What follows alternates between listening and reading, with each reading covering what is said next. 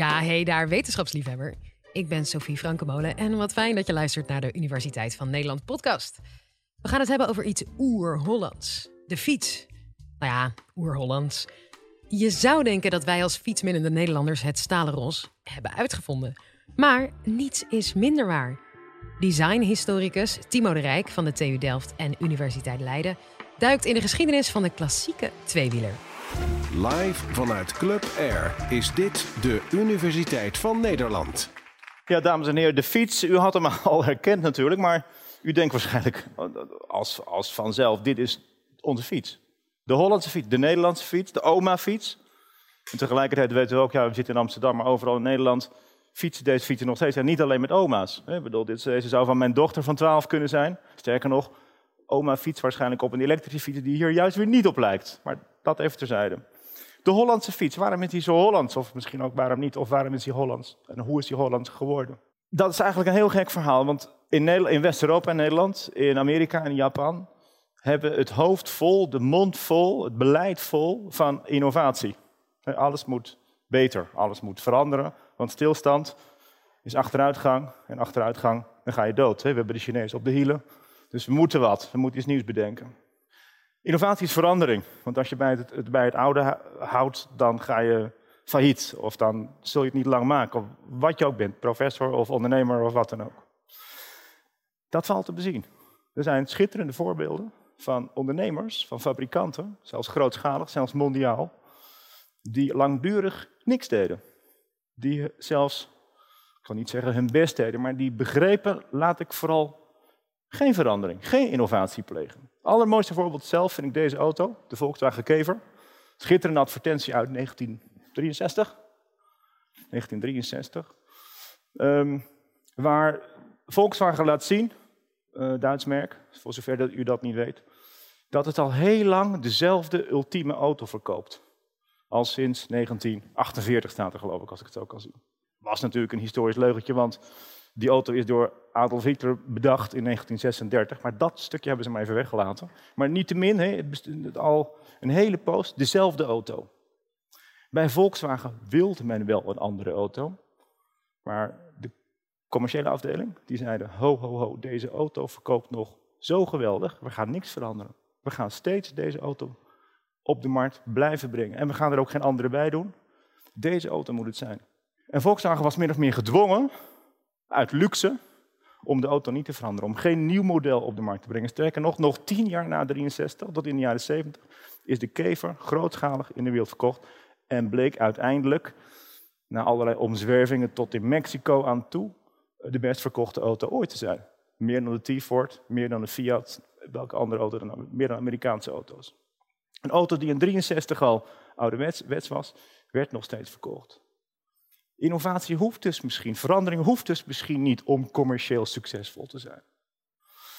Een ander mooi voorbeeld, want daar gaan we natuurlijk naartoe, is de fiets. De fiets, laat ik het maar gelijk zeggen, de Hollandse fiets is niet bedacht door Nederlanders. Wij vinden onszelf de fietsende natie van de wereld.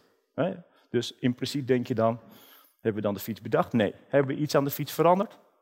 Eigenlijk ook niet. De Nederlander heeft dus helemaal niks aan de fiets bedacht. De Nederlanders hebben in, aan het eind van de 19e eeuw een fiets die dan al werd geproduceerd in Groot-Brittannië vanaf ongeveer 1880 geïmporteerd. De zogenaamde British Safety Bike, de veiligheidsfiets. En nagemaakt of verkocht en vervolgens ook nagemaakt. Die safety bike, u kunt zich allemaal wel die fiets voor de geest halen met een heel groot voorwiel en een heel klein achterwiel. Dat is een fiets die rechtstreeks aangedreven wordt op dat grote, op dat grote wiel. Nou, daar kon je natuurlijk vanaf donderen. Uh, je komt bij aan die remmen, levensgevaarlijk ding. Was een sport voor rijke jonge mannen om daarmee te racen. Maar zo gauw deze fiets op de markt komt, vanaf de jaren 1880, met een zogenaamd diamantframe, met zo'n driehoekig frame wat heel sterk is. Een aandrijving um, met een ketting, waardoor je op in zekere zin kon remmen. Zeker nog voordat er een terugtraprem was. Um, gelijke wielen, zodat je redelijk normaal bij de grond kunt als je af wilde stappen of op wilde stappen.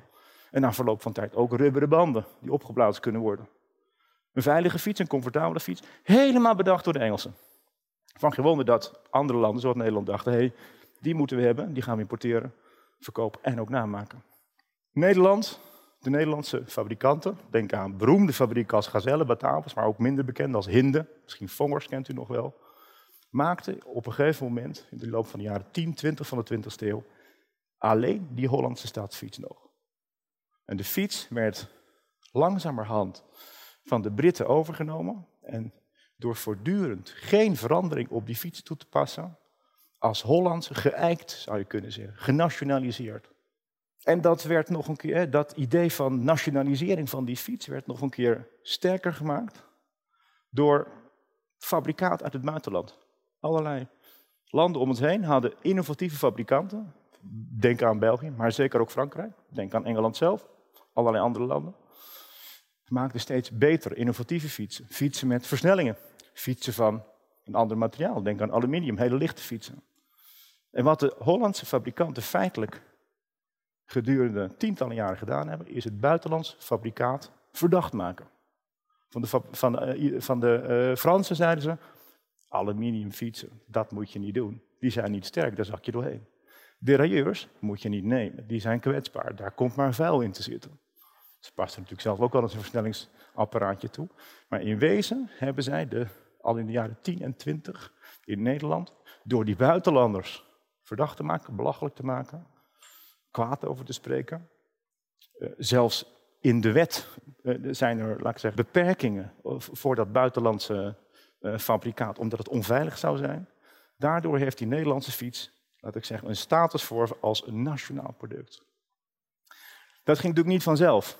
En het interessante is om te zien hoe die fiets in de 20e eeuw feitelijk langdurig dezelfde vorm behoudt, maar dat de betekenis van die fiets steeds verandert. Kan dit is een mooi voorbeeld van een meneer, um, ergens in de jaren 20, die waarschijnlijk poseert tegen een boom met zijn mooie herenrijwiel. En feitelijk laat zien, hij zal wel van een zekere gegoede klasse zijn, een zeker inkomen hebben, maar is toch zeker niet, laat ik zeggen, de rijkdom van de eind 19e eeuw die zich dan een dure fiets kan veroorloven. Op dat moment is in Nederland de fiets al min of meer gemeengoed. In elke stad in Nederland, in tegenstelling tot auto's, een periode daarvoor, kun je allerlei mensen op fietsen zien. Men kan een fiets kopen. En na verloop van tijd, en deze, dit is denk ik een goed voorbeeld daarvan, wordt die fiets bijvoorbeeld, en ons land is daar geweldig goed geschikt voor gezien de geografie, um, geschikt gemaakt voor woon-werkverkeer, wordt gebruikt om naar je werk te fietsen. In weinig andere landen in de wereld is dat het geval. In Amerika, als je, nou dat is nu nog steeds, maar als je in die tijd op een fiets zat, was je of een sportman, of je was een jongeman die aan het racen was, of je was een armoedzaaier. Maar naar je werk fietsen, dat was er niet mee. En op de dag van vandaag is bij ons, als je naar je werk kunt fietsen, is luxe. Goh, ik woon zo dicht bij mijn werk, ik fiets naar mijn werk. Zo, ik sta in de file. nou, bij de Amerikanen is het precies andersom. Het is in de jaren 20, 30, wordt die Hollandse fiets wordt, um, een gewone utilitaire fiets om naar je werk te fietsen. Gaan we er even naar. In de geschiedenis, in de Nederlandse geschiedenis, heeft die Hollandse fiets steeds nieuwe betekenis, andere bijbetekenissen. Wordt als het ware in historische zin rijker gemaakt. Wij zijn van een jongere generatie, ik geloof allemaal hier. Maar als je in de jaren 60 de oorlog had meegemaakt en je kwam een Duitse toerist tegen, dan was het standaard grapje: waar is mijn fiets gebleven? Een fiets was een soort oorlogssymbool geworden.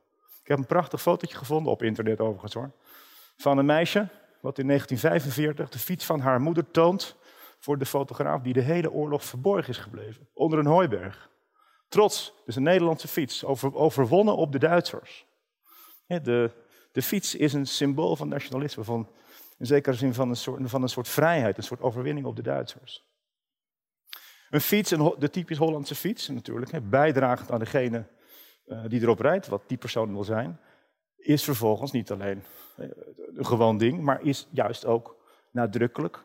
Um, laat het de eenvoud van de bereider zien. Ja, soms als je dat nodig hebt, als je heel arm bent, wil je dat niet. Maar als je koningin van Nederland bent, en sommigen van ons herkennen hier misschien uh, koningin Juliana, laat hiermee zien, ik ben ook een Nederlander, een gewone Nederlander, onder de Nederlanders. Ik fiets, waarschijnlijk op een fiets van Hollands fabrikaat, maar op een gewone Hollandse fiets.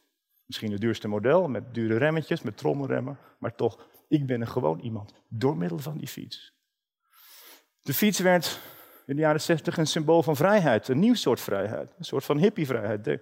Denk ook aan de hippies in Amerika, die een Volkswagen Kever kopen overigens. En de Nederlanders kopen een fiets en schilderen hem wit. Want die zwarte fiets die doet denken aan de oorlog. Dat is nog te veel een symbool van armoede. Hippies in Amsterdam, het witte fietsenplan, laat zien dat de fiets gratis zou moeten zijn. Als een uiting van de nieuwe tijd. Fiets staat voor vrijheid. Fiets staat voor een nieuwe tijd. En zeker, dit is in Amsterdam, staat voor bijna een nieuw soort jeugdcultuur. Die fiets, um, die hebben we in 100 jaar gevestigd als typisch Nederlands. Door er niks aan te doen. Door niet innovatief te zijn. Door juist geen verbetering aan te brengen, maar de fiets de oormerk als de oorfiets. En na ze in de jaren 80, zeg maar meer dan 100 jaar geleden, eigenlijk gepikt te hebben van de Britten, hebben die Hollandse fiets gaan we nu op onze, op onze beurt weer exporteren. Kijk eens om je heen straks in Amsterdam. Kijk eens om je heen welke fietsen je ziet. Um, er zijn allerlei hipsters met baarden, met tattoos, die op dit soort fietsen rijden. Weliswaar herenfietsen of bakkersfietsen. Maar op een of andere manier is al 120 jaar lang de referentiefiets, de oorfiets, gepikt van de Britten, onze fiets. Je hoorde Timo de Rijk en ik weet niet hoe het met jou zit, maar ik zal nooit meer hetzelfde op een fiets zitten. Fijn dat je weer luisterde en vond je dit nou een leuk college of überhaupt gewoon een hele leuke podcast?